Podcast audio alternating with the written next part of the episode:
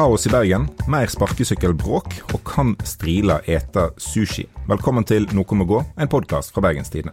Med meg i studio har jeg kommentatoren Gerd Kjellflot, Hei, hei. og mitt navn er Morten Myksvold. Ja, er litt redusert i dag, rett og slett. sånn er det bare. Ja, Før vi starter, så har vi ei kunngjøring, som de sier i Kirketråd. Rett og slett. Ja. Den 4. mai klokka 21 blir det nok en gang livepod i Bergen sentrum. Og denne gangen på det vestnorske teatret, også kjent som Losjen, og det er noen må gå vi snakker om, selvfølgelig, som skal ha denne livepoden. Bra å ha det med, ja. Ja, det er fint å få understreka. ja. Og folkens, vi har 260 tomme seter, så please, eh, kom. Fyll det opp. Ja. Hvis ikke blir det så pinlig. Ja. Gerd er alltid så nervøs når vi skal arrangere livepod, for hun tror ikke at noen kommer. Ja, men det er jo eh, Føler ikke du bare det? Det er jo det verste. Men Neida. eh, Folk kjøper jo billetter som galne. Det er jo Beatles-stemning i byen. Og Beatles har aldri solgt ut en livepodkast i Bergen. Det vil jeg bare si. ja. Bortsett fra. Ballspark, da, som kaller seg for Beatles. Eh, så ja, Men det teller ikke. det teller nesten. Ok. Ja. Jeg tror vi går til kaos i Bergen. Altså ikke livepodkasten, men bypolitikken. Jepp. Eh, for det er sånn at sjikane, ærekrenking, offentlig skittentøyvask og ytterligere vraking av egen toppkandidat er det som har stått på plakaten i bergenspolitikken bare den siste veka. Og Ja. det, det er ganske bra levert. Og jeg tror at vi skal begynne med å snakke om eh, Bergen Senterparti. Ja. De hadde årsmøte på mandag, men det var egentlig mer et slags forsøk på fredsmekling. For etter flere år med krangling, eh, så toppa jo det hele seg med bybanesaken i høst. Da var det to av partiets fem bystyrepolitikere som braut med partilinja og sikra bybane over, eh, eller langs Langs Bryggen. Bryggen, som Morten syns det er viktig å si. Og jeg syns vi skal høre på eh, en av de, Steinulf Tungesvik, da han møtte pressa den gangen. Og så vil jeg vel si, siden vi nå er her i Det Vestnorske Teatret, at eh, dette er en veldig seriøs akt i eh, Bergens politiske teater. Og det er jo eh, ordene og vendingene han bruker her, er jo dramatiske, eller ja, i hvert fall for teaterets verden. Og det passer jo så flott i bergenspolitikken. Ja, det var jo veldig teatralsk, den uh, opplevelsen vi hadde på, på Losjen uh, Ja. den, den kvelden der. Og det har jo på en måte vært litt pause i, i, i det bergenske teateret de siste månedene. Men det har jo virkelig tatt seg opp uh, nå den siste uka. Og eh, Senterpartibråket er jo det er jo fascinerende. Her foregår jo veldig masse for åpen scene, om vi skal fortsette å bruke teaterbegrep. Absolutt. Og det som skjer nå, er jo egentlig at de vil bare kvitte seg med hverandre i dette partiet. Men midt i det hele så står nå fylkeslaget, Hordaland Senterparti, som har innsett at eh, hvis de ikke gjør noe nå, så blir det ingen Senterpartistemmer fra Bergen i neste års valg. Og det er jo et problem for langt flere enn Bergen Senterparti. Da blir det heller ikke noe fylkesordfører på dem. Så nå må dette ta slutt, og de har tatt et par grep. Eh, ja. Ja, De har gjort noen store grep. Eh, Fylket har satt inn en person i styret i Bergen Senterparti som en slags barnevakt. Vi må kunne kalle det det. Ja, Det er jo noe Frp har som vanlig eh, rundt om, at fylket har en eh, representant. Eh, men Bergen Senterparti har i hvert fall funnet ut at det, det trenger de nå. De trenger litt hjelp fra oven. Eh, de har fått ei lekse eh, i Bergen Senterparti fra fylkesstyret om å eh, rydde opp, bli enige og behandle hverandre skikkelig. Omtrent. Det var ikke direkte sitat, det der, Men nesten. men nesten. og det er jo en, en, en måte, interessant ting at et fylkeslag er nødt til å gjøre til i hvert fall Altså vanligvis eh, Forrige lokalvalg så var det vel eh, Oslo Senterparti som hadde flest Senterpartistemmer i Norge, men vanligvis har det jo vært Bergen. Det er et Ja. stort lag, dette. Det er et stort uh, de, de får i hvert fall for Senterpartiet å være mange stemmer. Eh, og nå må de få beskjed om å oppføre seg. Um, og så har de jo blitt trua med å bli satt under administrasjon, Ja på en måte. Altså, ja. Det her er jo der det strides. For det de har sagt egentlig, er jo at hvis ikke dette blir bedre, så skal vi ta ytterligere organisatoriske grep. Hva da? Eh, Det veit jeg ikke. Ok, Hva har de mulighet til å gjøre? ingenting, egentlig. Altså, De kan kanskje ha et nytt årsmøte og be laget om å velge et nytt styre som kan få kontroll, men de kan ikke egentlig eh, bestemme så veldig masse. Men så vil jeg si på den andre sida, det er jo ikke Norges lover de driver og håndhever her. Det er jo interne partilover. Så de ja, men kan de skal jo, de skal jo håndheves skikkelig, de òg. Jo, Det skal være en forutsigbarhet og en slags rettssikkerhet internt i partiet. Men Senterpartiet har jo tidligere tatt til orde for å jeg tror det var litt humoristisk, da, men i bystyret så, så la Senterpartiet en gang fram et forslag om å evaluere kommunereformen av hva var 1972, når Bergen ble slått sammen med en del um, omliggende kommuner. Eh, en kunne jo reversert den eh, kommunereformen, i hvert fall innad i Senterpartiet, da, sånn at en ikke hadde et Bergen Senterparti lenger, men at eh, At du fikk fane? ja, at det ble et eget Senterparti. Men så kan jo de òg selvfølgelig splittes. sant? Det er vanskelig, Ja. vanskelig det der å vite helt hvor splittelsen går. Ja, for spørsmålet er jo om dette vil hjelpe. Eh, for det er jo, denne konflikten er gått veldig langt. Altså det På én side så er det jo en politisk konflikt med at det er noen i partiet som har lyst til å samarbeide mot Høyre, noen i partiet som har lyst til å samarbeide mot Venstre. Hovedgrunnen til det virker jo å være Bybanen. At trasévalget sender folk i, i enten høyre eller venstre retning. For der vet vi jo at Arbeiderpartiet har eh, vært det store partiet som står for bybane langs Bryggen, og Høyre har kjempa for tunnel. Så dermed har det på en måte splitta seg litt på den Ja. viset, selv om hvor du vil at Bybanen skal gå, er jo åpenbart ikke et ideologisk spørsmål som hører Det har blitt på et ideologisk spørsmål. Eh, I Bergen. Ja. Spesialbergensk ideologisk spørsmål. Ja. Eh, Så det er jo dels et politisk spørsmål, og sånne ting kan jo avklares. Altså, Det er vanskelig å kompromisse på et traséforslag, for enten skal Bybanen gå der eller der. Eh, Begge plasser tror jeg ikke er aktuelt. eh, Både langs Bryggen og i tunnel. Det må vi ikke håpe. Eh, Men det som er vanskeligere, er når det blir personkonflikter, og det er jo veldig mye personkonflikter her òg. Altså, på det årsmøtet så ble det referert at folk hadde blitt omtalt som Quisling.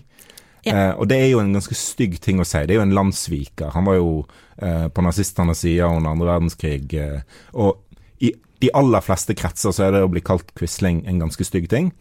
I Senterpartiet er det nok ekstra ille, siden han representerte Bondepartiet, som Senterpartiet hette da, i regjering. Så jeg tror nok det er en sånn ekstra stygg ting. Eh, og at sånne ord blir brukt, sier jo noe om hvor lite fiksbart dette, denne situasjonen er. For det er sånn at på et tidspunkt så går en konflikt fra å være en konflikt som handler om andre ting, til å bare være en konflikt som handler om en konflikt. Ja. Altså, På et tidspunkt så har du sagt så masse stygt, og, på en måte, eller at det er sagt så mange ting at det kan aldri tas tilbake, og isfrontene er der, og de, de, de kan aldri forsvinne. Og jeg tror kanskje at vi er der nå, da. Jeg husker ikke helt hva vi krangler om, men jeg vet at jeg hater deg. Altså, det er litt sånn, ja. ja. Så, og jeg tror nok at nå er det bare noen som forsvinner ut av dette lokallaget. For nå skal de må gå, rett og slett. Noen må gå i Senterpartiet. Og spørsmålet er bare hvem. Og det vil vise seg når de nå skal nominere folk til neste års valg snart. Men det minner jo litt, denne konflikten, om noe som har foregått i et annet partilag i Bergen, nemlig Bergen Frp. De Ja. har jo vært på en måte de som har hatt kranglestafettpinnen. Eller sånn det som er, ja, det, Det, det er ikke en stafettpinne når du ikke gir den fra deg men på mange vet- år. Du vet, det er sånn hvis du Når man har konflikter, så har man sånn snakkepinn. Jeg har snakkepinn. I bergenspolitikken så er det sånn Nei, vi har kranglepinn akkurat nå, så nå er det vårt parti som, eh, som krangler, og så skal dere få kranglepinnen, og vi kommer tilbake til det. Senterpartiet tror jeg snart sender den videre. Men, eh, men Bergen Frp hadde den i hvert fall først. Ja. Og de Det Der foregikk Altså, det er mye som minner eh, om Bergen Frp eh, nå eh, i, i Senterpartiet. For der også var det på en måte en konflikt som sikkert handler om politiske spørsmål her og der, men til slutt så var det bare folk som ikke orka hverandre. Og da måtte til slutt eh, fylkeslaget gripe inn. Men i, i Fremskrittspartiet så har de noe som eh, nesten må beskrives som en liten sånn likvideringsparagraf. Stalin-paragraf har det blitt omtalt som internt. Jeg har jo vært medlem der, så jeg Ja. kjenner til det. Ja. Nei, altså En har jo en veldig vid eksklusjonsparagraf, men den, den, den har jo eh, masse rettssikkerhet knytta til seg, sånn in- partiintern rettssikkerhet med klageordninger og alt sånt. Men så har en òg en mulighet for å bare aktivt utmelde folk, altså bare stryke folk fra medlemslistene uten noe sånn voldsom eh, prosess, hvis en oppfører seg på en måte som skader partiet. Og det kan være å, å, å gjøre noe ulovlig, og dermed måtte, eh, påføre partiet eh, skam og et dårlig rykte, eller stemme eh, eh, liksom, feil i bystyret eller i Stortinget, og ikke stemme med partiet. Eh, To, to likestilte brotsverk der. Ja. Men de har jo også da paragrafen som gjør at de bare kunne legge ned hele Bergen Frp. Ja, for de har en sånn fin formulering om at det er sentralstyret som eh, eier logoen til Frp, og navnet. Så hvis en trekker det tilbake igjen, så er det bare en gjeng personer som sitter rundt et bord og spiser pizza. Da er en ikke et lokallag i Bergen Frp, en er bare en gjeng personer som har møttes en plass. Ja. Eh, og det skjedde jo med Bergen Frp. Ble lagt ned, var nedlagt en god stund og har nå gjenoppstått. Ja. Og det har jo tatt veldig lang tid for Bergen Frp å rydde opp i problemene deres. Det er jo ikke sånn at hvis Hordaland Senterparti hadde hatt veldig mange verktøy for å kaste ut folk eller legge ned. Bergen Frp-situasjonen viser jo at det er ikke sikkert at det hadde løst seg veldig fort. Nei. Så har nok situasjonen i Bergen Frp vart mye lenger enn den i Senterpartiet. Altså, jeg tror noen av de konfliktene jeg var i i Bergen Frp, er liksom videreført, og at andre bare har arva de. Og at det er liksom en, en konflikt som bare har vart over flere, nesten generasjoner av uh, politikere i, i Bergen Frp. Så det er nok en mye hardere og mer langvarig konflikt. Ja. Men som dere skjønner nå, da, kjære lyttere, så er jo eh, Vi har en lang historie her i Bergen, i, poli eh, i politikkens verden, og krangling. Og det har, vært, det har vært en liten pause, som du sier, Morten, men eh, nå kjenner jeg at vi er tilbake. Og i, eh, i går, Alle altså måtte ta det litt rolig etter denne bybanegreiene i høst, sånn, så da, da var det litt sånn våpenhvile her. Ja. Og i går, eh, onsdag, så hadde VG-kommentator Tone Sofie Aglen eh, skrevet om eh, Bergen. Og hun hadde tittelen 'Trusler, sjikane og kupp. Byen er selvsagt Bergen'. Og når jeg leste det, så tenkte jeg bare sånn Yeah. Det er oss. De ser oss der ute. Det er litt sånn som når, eh, hvis, eh, hvis uh, britiske, franske eller amerikanske aviser skriver om Norge, så er det sånn Jeg har aldri vært oppi denne fjorden oppe i Nord-Trøndelag, men New York Times skriver om han. Kjempefint. Jeg er stolt. Ja. Det blir litt sånn. Men det er jo, det er jo aldri bra når VG skriver om Bergen. Nei. For det er jo ikke sånn at de skriver om uh, liksom, at ting går på skinner her. men det gjør Hvorfor skulle de da? Nei, det er jo ingen grunn til det. Nei, også fordi at det sjelden er tilfellet. Ja. Men eh, ja, nei, jeg følte at nå er vi, vi er tilbake. Og som I eh, form.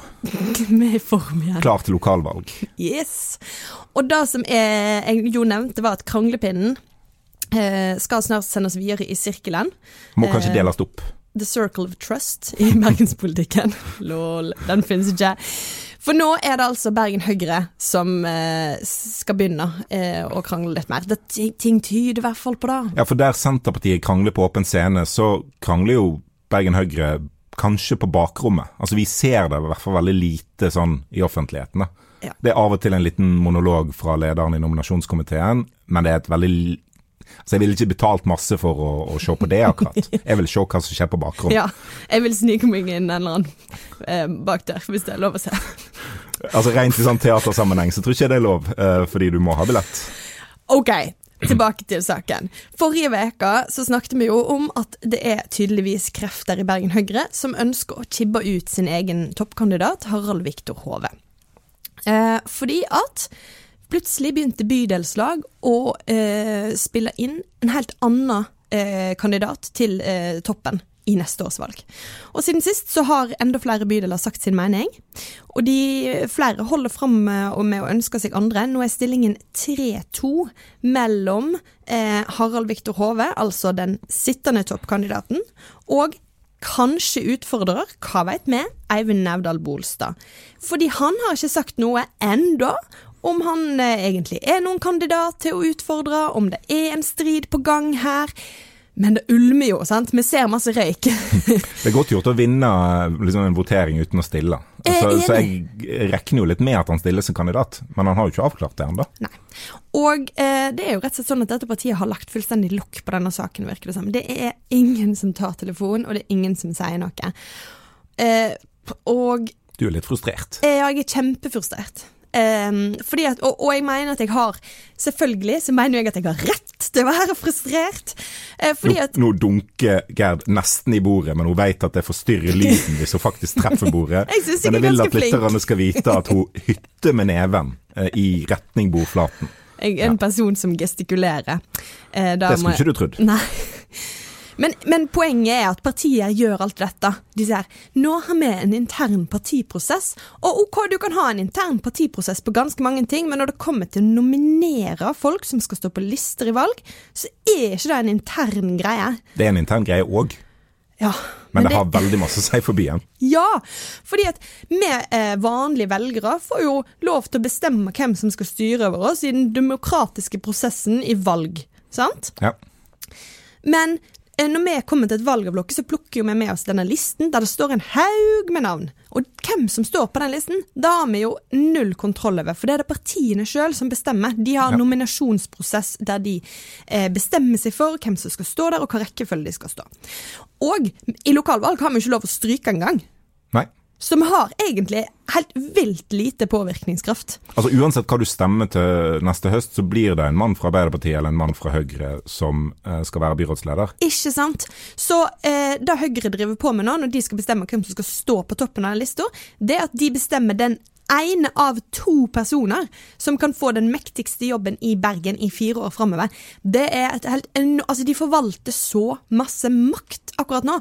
Og så er de sånn Nei, vi har en intern prosess. Eh, du kan snakke med lederen i nominasjonskomiteen, som heller ikke tar telefonen. Ja, og så er det jo, det er jo veldig tidlig i denne interne prosessen. Så jeg, jeg måtte, Sett fra innsida av et parti, så kan jeg forstå at en blir litt sånn en blir litt redd når, eh, når aviser begynner å skrive masse om dette her. og Det er jo personer det er snakk om, så en har liksom ikke lyst til å være for liksom, tydelig eventuelt på grunner for hvorfor en vil bytte en ut. Det kan ha med bare personlige ambisjoner å gjøre. At ja, jeg har lyst til å bli byrådsleder. Det er en bra ting å være. Mm. Eh, så, og, og, En er på en måte opplært i partiene til at nominasjonskomiteen må få lov å gjøre sitt arbeid. Eh, men de, de, bør jo klare å ha respekt for det, samtidig som de i hvert fall forteller oss helt grunnleggende ting som at 'jeg er kandidat', eller 'jeg er ikke kandidat'. det, er ikke, det, er ikke, så masse vi ber om uh, at, uh, at, de skal være uh, mer åpne. Det er bare å si 'jeg er kandidat', eller 'jeg er ikke kandidat'. Og den der linja om at jeg må snakke med nominasjonskomiteen først. Ja, jeg forstår at det kan ta litt lang tid, siden nominasjonskomiteen aldri tar telefonen. Men det går jo an å ringe til nominasjonskomiteens leder og si nå begynner det å bli litt mye styr om denne nominasjonen. Jeg har lyst til å avklare nå at jeg er kandidat, eller jeg har lyst til å avklare nå at jeg ikke er kandidat. Mm. Så jeg vet vi skal møtes neste uke, men kan vi bare problem... Vi snakker litt om dette nå. Jeg sier at jeg er kandidat sånn at jeg kan si det til avis, og sånn at bergenserne kan vite at det er faktisk en uh, helt legitim, god demokratisk prosess på gang i Bergen Høyre for å finne ut hvem som skal lede eh, partiet inn i neste års valg. Det er en legitim greie å utfordre en sittende eh, kandidat. Det er en legitim greie å, å, ha en prosess for å velge kandidater. Mm. Bare si at en driver på med det. Mm. Det er alt vi ber om. Og så når det kommer til stykket, så må vi andre også få vite noe om Hvorfor? Hva er forskjellen på disse menneskene? Hva egenskaper har de? For de skal være den øverste lederen i denne byen. Ja. Eh, og vi har sett eh, Arbeiderpartiet gjorde det før forrige valg. De prøvde å legge lokk på hele greien, og det handler jo ikke om eh, at det er internt og bla, bla, bla. For det er det ikke. Det handler jo om at de vil ikke skape inntrykk av at det er uenigheter internt, for da ser det så rotete ut fra utsida. Det skader deres eh, eh, rykte og, og mulighet til å få velgere. Det er derfor. Så det her å, beklage, men da er en underordna sak når det kommer til at folk skal få vite hva mennesker det er de stemmer på å sette inn i så høye verv. Ja, altså Resultatet av Arbeiderparti-nominasjonen sist var at Roger Valhammer vant og ble byrådsleder i Bergen. Um, fordi han vant først nominasjonen, og så kom han seg gjennom lokalvalget i 2019 mm. uh, på en OK måte. Og Det betyr at han hadde veldig masse å si for hvordan hverdagen vår skulle være gjennom to år med pandemi. Uh, i, Det er jo akkurat det jeg òg satt og tenkte på i går. er Nå har vi virkelig fått sett hvor masse det har å si hvem det er som styrer. Så masse makt som de har hatt. Men jeg måtte, og jeg, jeg, las en av de artiklene. De stilte jo da altså i Arbeiderpartiet nesten ikke opp til intervju den gangen. Nei. før. De hadde ett intervju der de sa sånn Roger er kul, og Marte er grei. Det var det også Roger Wallamer og Marte Mjøs Persen som stilte mot hverandre den gangen. OK, kul og grei, det er de folkene vi har å velge mellom. Men det er jo helt greit. Det går an å like den en stiller opp mot. Ja. Det er bare greit å si jeg òg har lyst til å være det. Jeg òg har lyst til å være byrådsleder. okay. Og den andre som stiller, er òg en grei person, men jeg vil heller være byrådsleder. Men du bør kanskje si noe mer om hva egenskaper og ambisjoner du Helst. har for Bergen som by. Greit. Jo, men har du vært på årsmøte i partiene? Altså, når, når de skal presentere seg for å bli innvalgt til styret og sånn, så er det jo ikke sånn jeg har lyst til å bli leder i dette lokallaget i dette partiet for å på en måte gjøre dette og dette og dette med organisasjonen, jeg har lyst til å fokusere på disse og disse politiske sakene. Det er jo ofte sånn jeg har nå to barn og jobber med det og det. Altså Det er en veldig sånn CV-opplesing ofte. Veldig lite politikk. Eh, og det er jo det politiske partier bør bli flinkere på, da. Eh, politikk. Fortell hva dere vil. Nemlig. Altså, jeg tenker at vi har klart uh, trusler, sjikane og kupp denne uka i bergenspolitikken, så da bare gleder vi oss til å se hva som vi kan få til neste uke. Ja, og det, altså, med så masse fyr og flamme som det har vært i bergenspolitikken, så er det jo naturlig for oss å bare gå videre til et lignende tema. For vi vet jo at sparkesykkelselskapet Ride ikke har helt kontroll på batteriene sine. Eh, det brenner jo ganske ofte hos de. Eh, nå sist for eh, bare ja, ti dager siden. Hør litt på dette. En palle med litiumbatterier tok fyr i Ride sitt lager på Spelhaugen i Fyllingsdalen i morges. De rundt 100 batteriene sto utendørs, og det var ingen fare for spredning, ifølge brannvesenet. Men det ser jo òg ut til at um, Ride ikke tar så veldig godt eh, vare på de som jobber i selskapet. For, det, uh, for et par uker siden så, så, kom det en rapport som, som sa at uh, Ride kan ha brutt arbeidsmiljøloven uh, på ti ulike punkt. Og Gerd, du har jo fulgt denne saken en stund, og disse, ja, denne brennheite saken. Eh, nå er det mye Nå er det mye. Jeg skal roe ned før det tar helt fyr. Er det håp for dette selskapet, eh, Gerd? Eh, ja, altså Jeg skal ikke si at det ikke er håp, men eh, jeg tenker at det er et selskap som har vist at de har såpass masse forakt for eh, vanlige regler og eh, autoriteter at eh, folk kan, godt kan begynne å bruke forbrukermakten sin eh, her litt nå, og si at dette det, Her skjer det ting som ikke er greit, altså. Ta andre framkomstmiddel i bruk? Ja, det finnes jo andre sparkesykkelselskap også. Det går òg an å gå.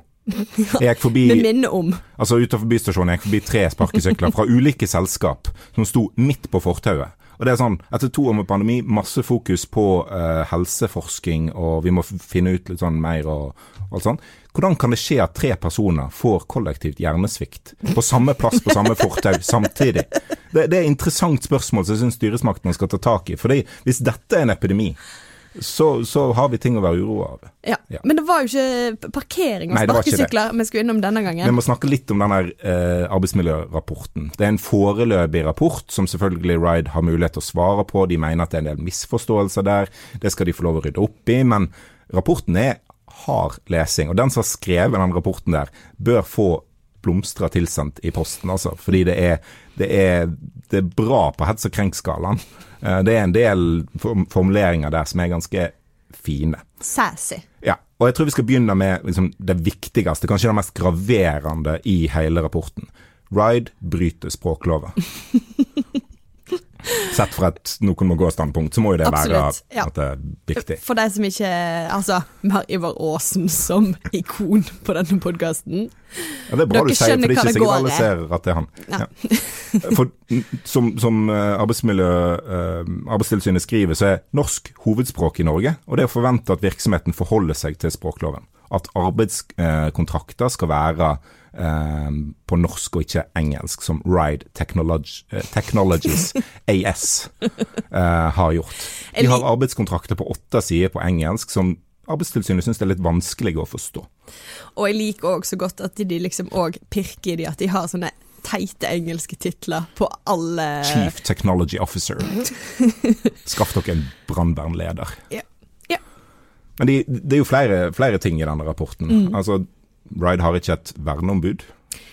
Eh, nei, eller de har. Ja, de har. Et verneombud, men vedkommende har kun fått eh, Altså, det de har listet opp som opplæring i eh, vet ikke, verneombudskap, eh, er altså at han har gått VG2 maritime fag.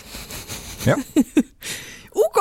Det, det, mener Arbeidstilsynet ikke er liksom, De ser ikke helt hvordan det er relevant for å være verneombud i en bedrift med brannfarlige batteri, eh, som ja, beviselig er brannfarlige. Ja. Denne personen, og det er ingen kritikk mot denne personen, men ble valgt med åtte stemmer i en litt sånn usikker eh, valgløsning som alle faktisk kunne delta i, så lenge de hadde lenker til han.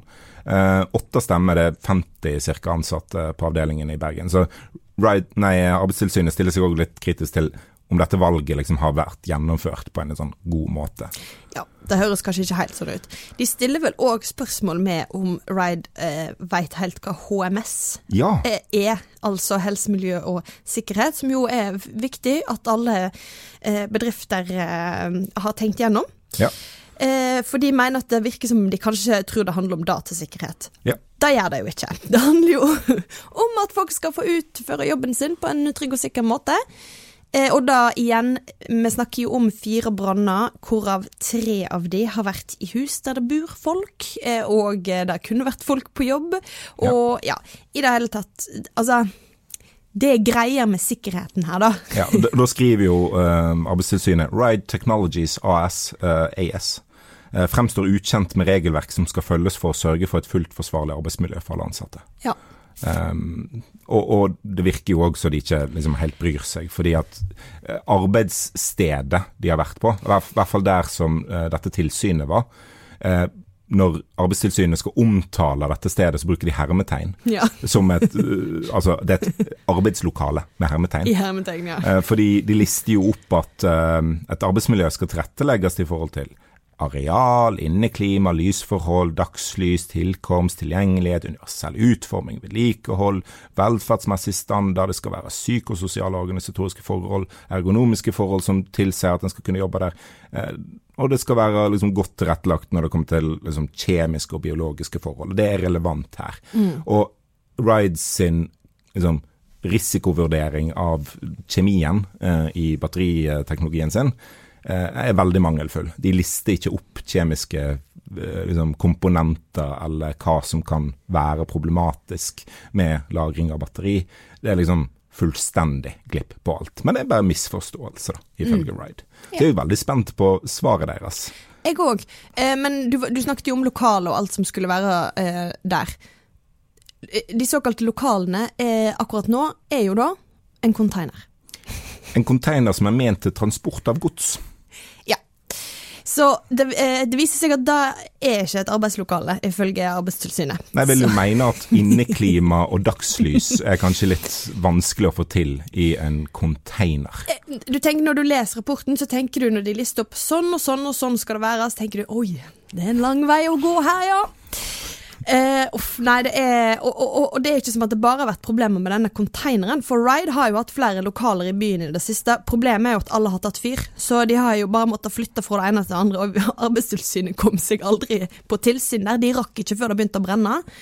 Ehm, så det, de, de skriver jo òg at, at uh, de, de, dette er ikke det første arbeidslokalet der det har vært problemer. Så også når de har vært i hus, så har det vært Det virker jo å være et triks, da. Og liksom, måten å ikke bli tatt av Arbeidstilsynet på alt, er jo at plassen de skal utføre tilsyn på, tar fyr, og en flytter videre til neste plass før på en måte veit ikke om det er en løsning, veldig god løsning du foreslår her, Morten. For det viser seg jo at da får brannvesenet plutselig lyst til å komme på tilsyn. Ja, ja det er kanskje litt uh, kjipt, da. det er veldig mye tilsyn i dette landet. Ja, det er veldig styrete å drive selskap, i hvert fall selskap som har 300 ansatte og driver med brannfarlige gjenstander. Ja. Og så er det jo også greier med arbeidskontrakter, eh, arbeidstider eh, stor- Helgejobbing. Altså, de, folk har ikke hatt lange nok pauser mellom altså du jobber kvelden, går på igjen på morgenen uten at du har de elleve timene som en jo skal ha ifølge lovverket. Det er ansatte eh, som er, er, der det står i arbeidskontrakten at de er unntatt en del bestemmelser i arbeidsmiljøloven som er helt lovlig å gjøre i en del type jobber, men ikke i den jobben det er snakk om her. Det er ikke noe du kan bare si, du må faktisk ha en begrunnelse. Så alt i alt, her er det en del å ta tak i. Mange misforståelser. Det er det. Og så er jo Ride et relativt nytt firma i en relativt ny bransje, men man har ikke lov til bare å ture fram uansett. Og det er ikke som at de er det eneste selskapet i denne bransjen, men sånn som det framstår nå, og vi tar forbeholdene med om at dette er et midlertidig rapport osv., men det begynner å bli litt mange ting som har skjedd. Litt for masse til at dette er en tilfeldighet. Eh, så, så det, virker det som om de er en slags versting i Ja. bransjen. Og det er grenser for hvor masse Arbeidstilsynet kan misforstå, tror Ja. jeg. Og så pluss at du har de der brannene, da. Ja, de er jo ikke til å misforstå. Nei. Eh, og de har jo sjøl insistert på at de ikke er cowboyer. Eh, da, faktisk ordene de har brukt. Ehm, og da tenker jeg nja Det kommer jo an på hva du tenker på med cowboy. Ja, altså Den ville vesten, det var veldig få. Altså Hestene de brukte jo ofte hester som transportmiddel for å komme seg fra liksom eh, town to town borti den ville vesten. Ja, De hestene tok veldig sjelden fyr. absolutt. Ja. Få defekte uh, hester der Ja. ute. Men, og det er klart at da var sikkert engelsk som arbeidsspråk helt ok. Ja, det var det nok helt sikkert. Um, ja, Språklovet kom aldri til Texas.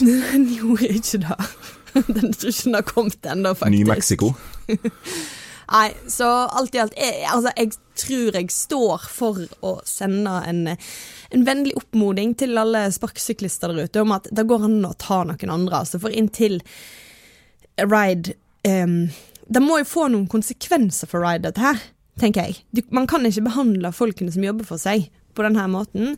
Eh, man kan ikke sette fyr på eh, lokaler som gjør at naboer blir evakuert midt på natten tre ganger i løpet av to måneder. Det går ikke. Så vi må bruke forbrukermakten vår, for det er det som svir mest. Og da må vi si at vi kan bruke noen av de andre. Ja, og det er jo eh, veldig unge arbeidstakere ofte som liksom, Det er ikke nødvendigvis så lett for de å bare skaffe en annen jobb heller. Eh, det er ingen tariffavtale der, det er jo ikke krav om det, men det er i hvert fall en rettighet eh, folk har i Norge. Eh, men det er vanskelig for liksom, de ansatte å ta denne kampen alltid helt alene.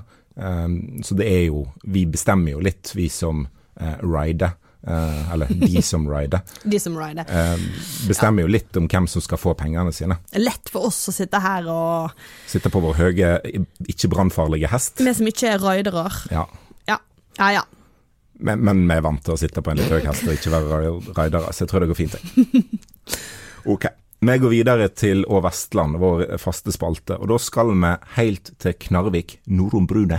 Eh, Hva var det? Det er noe en sier, det er nord, altså nord for brua. Eh, Ja. Det er da betegnelsen da, eh, på et område eh, nord for Bergen. Eh, Vi skal snakke om mat, eh, og det er ikke fylte uh, fiskehove denne gangen. så ikke, ikke få panikk, Gerd. For dere som ikke har hørt det, uh, gå tilbake et par episoder og hør eh, om eh, den, min kulinariske reise i Sogn og Fjordane. Ja, for i Nordhordland så holder en det på et litt annet nivå. I, i begynnelsen av februar så var det ei um, sushikjede som la ut eh, melding på eh, Facebook om eh, hvor de skulle etablere seg. De hadde et par alternativ, men de hadde lyst til å få innspill fra publikum. da. Og det rann inn eh, med kommentarer. Eh, og det ser faktisk ut til å være et folkekrav om å få sushirestaurant i Knarvik. Og vi er jo gode på fordommer i denne podkasten. Altså, vil jeg tro. Ja. Rent fordomsfaglig, er du overraska over sushikjøret i Knarvik, eh, Gerd? Nei, jeg er egentlig ikke det. Det er jo folkemat, da. Den nye tacoen? Ja. Eh, sånn Søndagssushi. Eh, søndagssushi. Og da unner jeg folk i Knarvik å kunne få sushi. Ja. Absolutt. Ja, Så- det var jo veldig sånn delte meninger eh, når Stilen. Og Nordhordland begynte å skrive om dette. sant? Så, så var det litt sånn Det var mange som var fortsatt entusiastiske, akkurat som inne på denne sushikjeden sin Facebook-side. Eh, For der, altså er du der, så liker du sushi. Men eh, er er, du, er du på Nordhordland eh, og Strilen sin Facebook, Det er det. så er det ikke sikkert at du liker sushi. Men det hadde vært veldig gøy å bare følge masse eh, restauranter med, med mat du du ikke ikke liker, og så hele tiden legge inn øh, æsj! Ja, for det var litt masse sånn øh, som er en fin måte å bruke spy-emoji. Ja. De var det mange av. Um, det var mange som var entusiastiske, og så var det selvfølgelig liksom, den klassiske som treffer fordommen da, om striler og sushi. For det er jo, det er jo bare agn, er jo en sånn gjenganger. Eh, det er noe vi bruker på, på sluken for å få fisk som vi kan faktisk steike eller koke. Um, den, Yes. den gikk igjen. Forseggjort kattemat ble det omtalt. Um, men jeg, jeg har en katt som ikke liker rå fisk. Jeg må koke den for å, for å gi til den. Ja. Um, og det var en òg som var veldig sånn current events-fokusert. I disse miljøtidene så er det vel bra å spare strøm på å servere råfisk, eh, var det en annen som skrev. Det er så bra. Ja. Men det er jo, det er jo flott, som, som du sier, at, at uh, sushien kommer til flere plasser. At, at det blir et bedre mattilbud. Altså Det handler jo ikke om sushi, det handler jo om mat. Ja. Altså Knarvik har jo syrisk takeaway, Nei, blant annet. er det sant? Ja, ja. Så de har jo et Og de har flere andre ting òg. Det er noen selvfølgelig kafeer og restauranter som prøver seg og ikke klarer seg, men, men de har litt ulike okay. Tilbud der ute. Ja, det er bra. Så det er ikke som om det er tomt, at det er umulig å få tak i mat nord om Brunei. Det er jeg glad for å høre. Men det er jo mer variasjon, da, eh, når Ja. en får flere eh, restauranter. Absolutt. Når jeg skulle google eh, til dette segmentet her, eh, så googla jeg selvfølgelig Grunnforskning. Ja, grunnforskning. Så googla jeg selvfølgelig Knarvik sushi. Fikk opp uh, 10 best sushi restaurants in Knarvik på hjelp. Ja. De ti beste er det kanskje ikke. Beste var Sushi Asana. Uh, Det er ikke Knarvik. Nei. Og den eh, var helt ok, faktisk. Følge Ja. hjelp. Um, yes. Nei, men jeg tenker at, um, at eh, dette viser jo bare at folk er veldig gira på å få en plass å kjøpe mat og takeaway, som du ser. Mm. Og det kan jeg jo veldig godt forstå. Uh, jeg er drittlei av å lage mat sjøl. Så det er jo en viktig grunn til at jeg bor i by, faktisk. Men det er jo ikke sånn at det, altså det er som du sier, at det fins jo, jo forskjellig mat er, og mattilbud rundt omkring på Vestlandet. Men det er jo blitt hersa litt med, og når vi sitter her og fniser litt av sushi i Knarvik, så er det fare for at vi er, blir sånn herre journalister i D2-magasinet, og at vi er liksom Torgrim Eggen på Aldri. tur. Det, det skjer ikke. I sommeren 2020 så sendte altså Dagens Næringsliv ut Torgrim Eggen eh, til å skrive et reisebrev fra Vestlandet som bare endte med at han trasha eh, hele Vestlandet for at han fikk ingenting å ete der som var verdt å ete. Fordi han ikke planla bilturen sin til Vestlandet. Men vet du hva, det, er, det litt sånn ille, da. Fordi at i 2021 så reiste han til Nord-Norge, og han var kjempefornøyd med mattilbudet. Så kanskje er det, er det med på Vestlandet, så er, er det helt ræva, liksom. Ja, altså Det er jo mange plasser det er litt uh, lite. Ja, det er det. Og så er det jo grenser for hva du Vi var jo inne på det i en episode da, at det er jo grenser for hva du kan forvente på liksom alle mulige små plasser langs veien. Knarvik er jo ikke en liten plass, Mm. Nei, uh, så er der kan en jo forvente uh, en del. Mm. Eh, og så er det jo Jeg skal være litt Jeg lurer på om jeg skal være litt enig, jeg. Med disse folkene som ser at det er argen. For nei, ok, jeg jeg er litt fram og tilbake her. For jeg tenker at sushi kan jo Altså, hvor er det fisken i sushi kommer fra? Det er jo fra oss her på Vestlandet og våre eh, fiskeoppdrettsanlegg. Ja.